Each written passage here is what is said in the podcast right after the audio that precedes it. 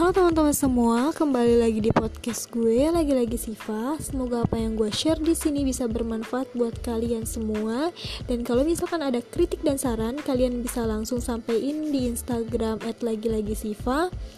Selamat mendengarkan dan enjoy.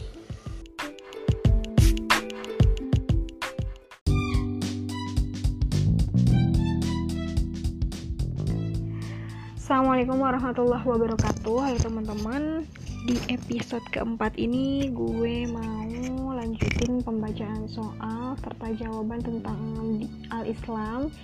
Tapi di sini ada beberapa pertanyaan yang gue loncat.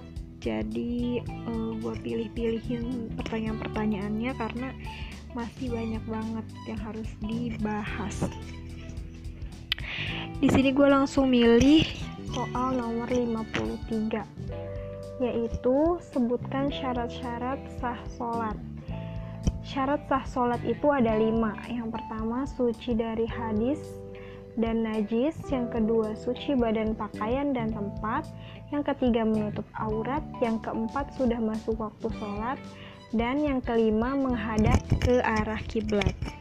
Pertanyaan nomor 54 ibadah sholat ditentukan waktunya masing-masing. Sebutkan sebuah dalil dari Al-Quran. Dalil tentang ketentuan waktu-waktu sholat itu ada pada Al-Quran Surat An-Nisa ayat 103. Kemudian untuk soal nomor 55, sebutkan dalil Al-Quran yang berkenaan dengan kewajiban berpuasa. Nah, untuk dalil tentang berpuasa itu ada di salah satunya surat Al-Baqarah ayat 185. Lanjut ke pertanyaan nomor 56. Sebutkan amalan-amalan atau perbuatan-perbuatan yang dianjurkan kepada muslim yang berpuasa. Hal-hal yang dianjurkan dalam berpuasa di antaranya melakukan kiamu Ramadan atau sholat tarawih, menyegerakan berbuka, mengakhirkan sahur, memperbanyak doa, memperbanyak sedekah, memperbanyak tadarus, melakukan iktikaf di masjid. Sebutkan makna esoteris dari ibadah puasa. Yang pertama dapat meningkatkan spiritualitas individu, yang kedua dapat meningkatkan solidaritas sosial, yang ketiga dapat meningkatkan kesehatan. Pertanyaan selanjutnya, apa yang akan apa yang Anda ketahui tentang zakat? Ada berapa macam zakat tersebut? Zakat adalah salah satu rukun Islam, menjadi kewajiban setiap muslim untuk mengeluarkan sebagian harta yang dimilikinya sesuai dengan syariat Islam e, macamnya itu ada dua yaitu zakat fitrah dan ada zakat mal. Apa makna esoteris dari ibadah zakat? Yang pertama memiliki kepedulian untuk berbagi dengan sesama. Yang kedua membersihkan hati dan si, dari sifat kikir. Yang ketiga mendekatkan diri kepada Allah Subhanahu wa taala. Pertanyaan ke-60 Sebutkan mustahik atau orang yang berhak menerima zakat. Ada delapan. Yang pertama fakir, yang kedua miskin, ketiga gorim atau orang yang berhutang, yang keempat mu'alaf, yang kelima ibnu sabil atau orang yang kehabisan bekal dalam perjalanan, yang keenam amil atau pengelola zakat, yang ketujuh budak, dan yang kedelapan adalah visabilillah. Nomor 61. Apa saja jenis harta dalam zakat mal itu sebutkan. Jenis harta yang tergolong zakat mal ialah emas dan perak, hewan ternak, hasil tanaman, harta perniagaan, barang tambang, dan rikaz atau harta temuan. Langsung ke pertanyaan nomor 63, jelaskan rukun dan wajib haji. Rukun haji ialah melaksanakan beberapa tata cara ibadah haji yang jika ditinggalkan tidak sah hajinya. Sedangkan yang kedua wajib haji ialah melaksanakan beberapa tata cara ibadah haji jika ditinggalkan dapat diganti dengan dam atau denda. Pertanyaan ke-64, apakah yang dimaksud dengan haji? Haji adalah menyengaja mengunjungi Baitullah untuk melakukan beberapa kegiatan ibadah sesuai dengan yang dicontoh oleh Nabi Muhammad SAW pada bulan Zulhijjah. Pertanyaan selanjutnya, Berapa kali kewajiban melaksanakan ibadah haji dibebankan kepada seorang muslim? Jawabannya hanya satu kali dalam seumur hidup. 66. Dalam melaksanakan ibadah haji ada tiga cara, yakni ifrod, kiron, dan tamatu. Jelaskan bagaimana cara pelaksanaannya masing-masing dan apakah konsekuensinya dari cara pengamalan masing-masing tersebut. Yang pertama, haji ifrod ialah mendahulukan ibadah haji, kemudian baru mengerjakan ibadah umroh. Pelaksanaan ini tidak terkena dam atau denda. Yang kedua, haji kiran adalah melaksanakan ibadah haji dan ibadah umroh secara berbarengan. Pelaksanaan ibadah ini dikenakan dam dengan menyembelih seekor kambing. Yang ketiga, haji tamatu yaitu mendahulukan ibadah umroh daripada ibadah haji yang dilakukan di musim haji. Cara pelaksanaannya juga dikenakan dam, yaitu menyembelih seekor kambing. Pertanyaan selanjutnya yaitu jelaskan tanda-tanda haji mabrur.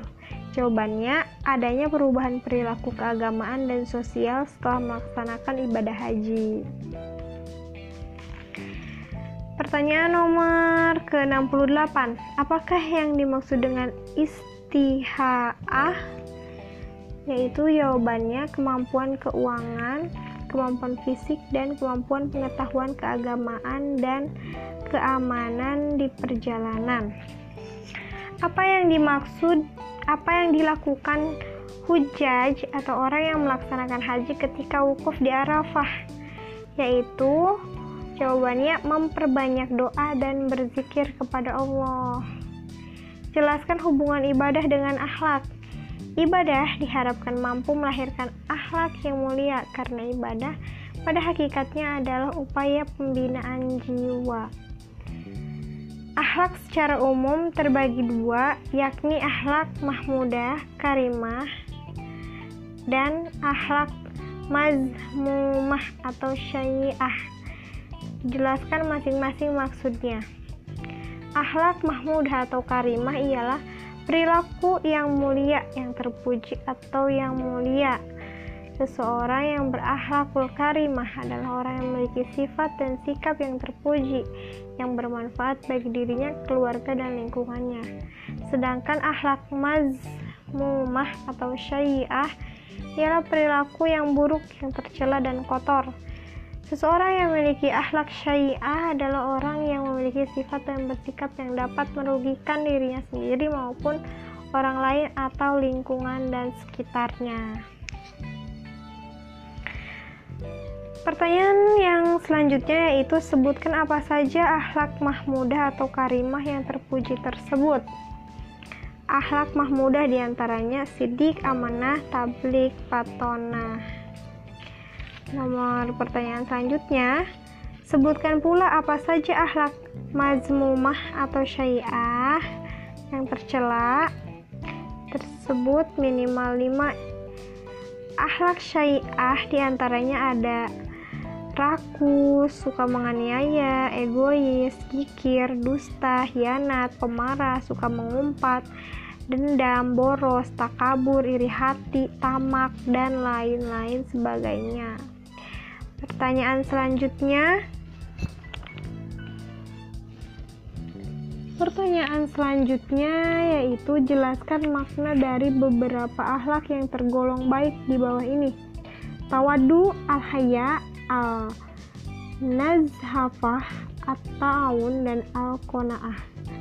Tawadu artinya rendah hati. Al-haya artinya sikap malu diri dengan melakukan perbuatan tercela Al-nazhafah ialah artinya bersih atau sikap suka membersihkan diri. Atau awun ialah bertolong-tolongan atau suka memberi pertolongan. Al-qanaah ialah merasa cukup dengan apa yang ada pada dirinya atau menerima secara ikhlas atas keadaan dirinya baik dalam keadaan sempit maupun lapang. Selanjutnya, pertanyaannya yaitu jelaskan makna esoteris dari ibadah sholat. Sholat tidak sekedar melaksanakan ruku dan sujudnya, tetapi diwujudkan dengan perilaku yang dapat bermanfaat baik pada dirinya maupun lingkungan sekitar. Sebagaimana firman Allah Subhanahu wa taala yaitu sungguhnya sholat itu dapat mencegah e, perbuatan keji dan mungkar. Orang sholat tidak bersikap e, keji atau mungkar dan tidak memiliki kepedulian kepada sesama. Namun orang yang sholat adalah orang yang berperilaku sopan, suka menolong, jujur, sabar, dan sikap-sikap baik lainnya. Nomor 76. Apa pengertian muamalah secara bahasa? Secara bahasa, muamalah berarti saling berbuat, bertindak, bergaul, berbisnis, berinteraksi, berjanji, berkomitmen, atau akad. Pertanyaan selanjutnya, jelaskan pengertian muamalah menurut Muhammadiyah. Jawabannya, matan, keyakinan, dan cita-cita hidup atau MKCH.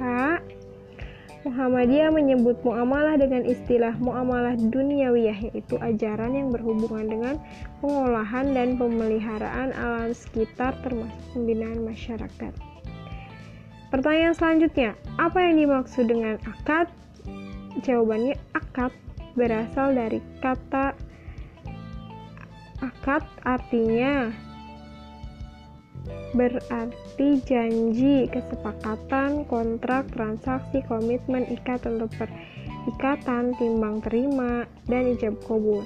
Akad adalah perikatan antara ijab dan kobul yang dibenarkan syarat dan mengandung akibat-akibat hukum pada objeknya. Pertanyaan selanjutnya, prinsip-prinsip apa yang harus diperhatikan ketika mengkonsumsi suatu makanan dan minuman? Jawabannya, ketika kita mengkonsumsi suatu minuman, umat Islam harus memperhatikan tiga prinsip secara bersamaan, yaitu halal, toib kemudian juga latusrifu atau e, proporsional jadi ada tiga hal penting yang harus diperhatikan ketika akan mengkonsumsi sesuatu yaitu kehalalannya atau artinya tidak haram, toib baik atau cocok, sehat, bergizi, dan tidak membahayakan dan latus rifu artinya tidak melampaui batas, tidak berlebihan. Pertanyaan ke-80, apa yang dimaksud dengan perkawinan?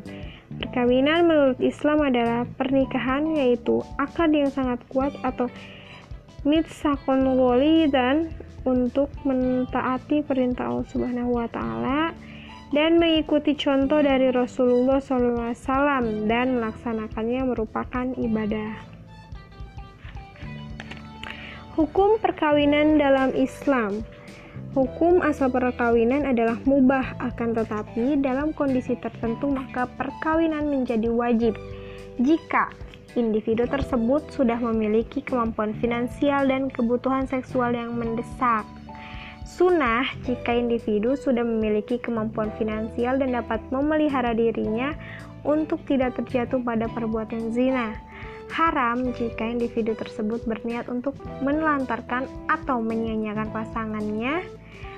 Makruh jika individu tidak memiliki kemampuan untuk melakukan hubungan seksual atau tidak memiliki kemampuan finansial. Selanjutnya pertanyaannya yaitu apakah tujuan dari perkawinan dalam Islam? Tujuannya adalah mewujudkan rumah tangga atau keluarga yang sakinah, mawadah dan rohmah. Kemudian pertanyaan selanjutnya, apa yang dimaksud dengan keluarga sakinah? Keluarga sakinah adalah keluarga ideal atau keluarga harapan dengan indikator kedamaian, keharmonisan, ketentraman, dan kesejahteraan lahir batin. Uh, kemudian juga tentram, uh, dunia akhirat, tapi tetap dinamis dan kritis dalam mengikuti perkembangan zaman. Kemudian, apa saja yang harus diperhatikan umat Islam Indonesia dalam masa perkawinan yaitu pertama, mengikuti syariat, ketentuan perkawinan menurut Islam dan mengikuti peraturan pemerintah Undang-Undang Nomor 1 Tahun 1974. Kemudian pertanyaan selanjutnya yaitu adalah bagaimana komplikasi hukum Islam di Indonesia mengatur perkawinan? Jawabannya perkawinan harus dicatat di KUA. Pertanyaan selanjutnya, perceraian menurut Islam adalah sesuatu yang dibolehkan tetapi dibenci oleh Allah. Nah, bagaimana komplikasi hukum Islam di Indonesia mengatur perceraian? Pelaksanaan perceraian di pengadilan agama melalui proses persidangan yang dihadiri saksi dan cukup alat bukti. Alasan dan persyaratan bercerai harus terpenuhi. Setelah upaya untuk rukun damai atau islah tidak tercapai dan tidak ada cara lain, barulah diputuskan untuk bercerai. Pertanyaan selanjutnya, sebutkan yang tidak boleh dilakukan mantan suami atau istri yang baru bercerai, yaitu yang pertama tidak boleh melakukan hubungan suami istri sekalipun masih dalam masa idah. Kedua, tidak boleh dilamar, menerima lamaran dan atau menikah dengan laki-laki dalam masa idah. Pertanyaan selanjutnya, apa yang dimaksud dengan idah? Iddah adalah masa tunggu bagi janda atau mantan istri yang perkawinannya putus baik secara suaminya meninggal dunia, ditalak, dicerai, dipasak, atau huluk kecuali kobla duhul. Kemudian, jika tidak ada jika talak adalah hak suami, apakah istri boleh meminta cerai? Jawabannya, Islam membolehkan istri berinisiatif untuk bercerai dari suaminya asal istri tersebut mengembalikan mahar atau iwad sebagai pengganti mahar kepada suaminya. Perceraian demikian ini disebut dengan huluk. Pertanyaan selanjutnya, apa yang dimaksud dengan hukum waris? Hukum waris atau hukum kewarisan adalah hukum Islam yang mengatur pemindahan hak milik pewaris dan menentukan siapa-siapa yang berhak dan tidak berhak menjadi ahli waris dan beberapa bagiannya apa yang dilakukan oleh ahli waris terhadap harta yang ditinggalkan pewaris sebelum harta tersebut dibagi? Yang pertama, membayar biaya pengobatan dan perawatannya sebelum meninggal, membayar biaya perawatan jenazahnya sampai ia dikuburkan, membayar keseluruhan hutangnya, membayarkan atau menunaikan wasiat. Jika ia menikah atau meninggalkan pasangannya, harta yang ada Sisanya dibagi dua separuhnya yang masih hidup sebagian harta bersama atau harta gono gini. Pertanyaan selanjutnya, sebutkan fungsi pakaian menurut Islam. Yang pertama, menutup aurat, sebagai hiasan, sebagai identitas diri, dan perlindungan tubuh. Pertanyaan selanjutnya, sebutkan kriteria pakaian yang sesuai dengan ajaran Islam. Yang pertama, menutup aurat, tidak transparan, tidak mampu sempit atau membentuk postur tubuh, kenyamanan, keamanan, dan juga kesopanan. Yang terakhir untuk masalah pertanyaan bidang al-Islam yaitu sebutkan prinsip hubungan, pergaulan, relasi antara laki-laki dan perempuan dalam pandangan Islam. Jawabannya uhwah Islamiyah saling menghormati, berkesetaraan dan berkeadilan, saling menasihati atau mengingatkan dalam kebenaran, bergaul dalam batas-batas kesopanan dan tidak mendekati zina. Oke, alhamdulillah ya rabbil alamin teman-teman untuk bidang al Islam udah selesai pertanyaannya sampai 97 pertanyaan. Mungkin agak kurang jelas dan kayak cepet gitu ya. Karena memang uh, ngejar banget biar cepet satu episode ini bisa kelar masalah bidang al Islam supaya kita bisa segera membahas masalah kemuhamadiyahan mulai dari sejarahnya, ideologinya, gerakannya, amal usahanya, keorganisasiannya. Jadi jangan lupa nanti insya Allah besok langsung bisa nge-share masalah materi tentang bidang kemuhamadiyahan. Terima kasih sekali lagi mohon maaf kalau ada salah-salah kata dan pengucapan. Wassalamualaikum warahmatullahi wabarakatuh. Bye bye.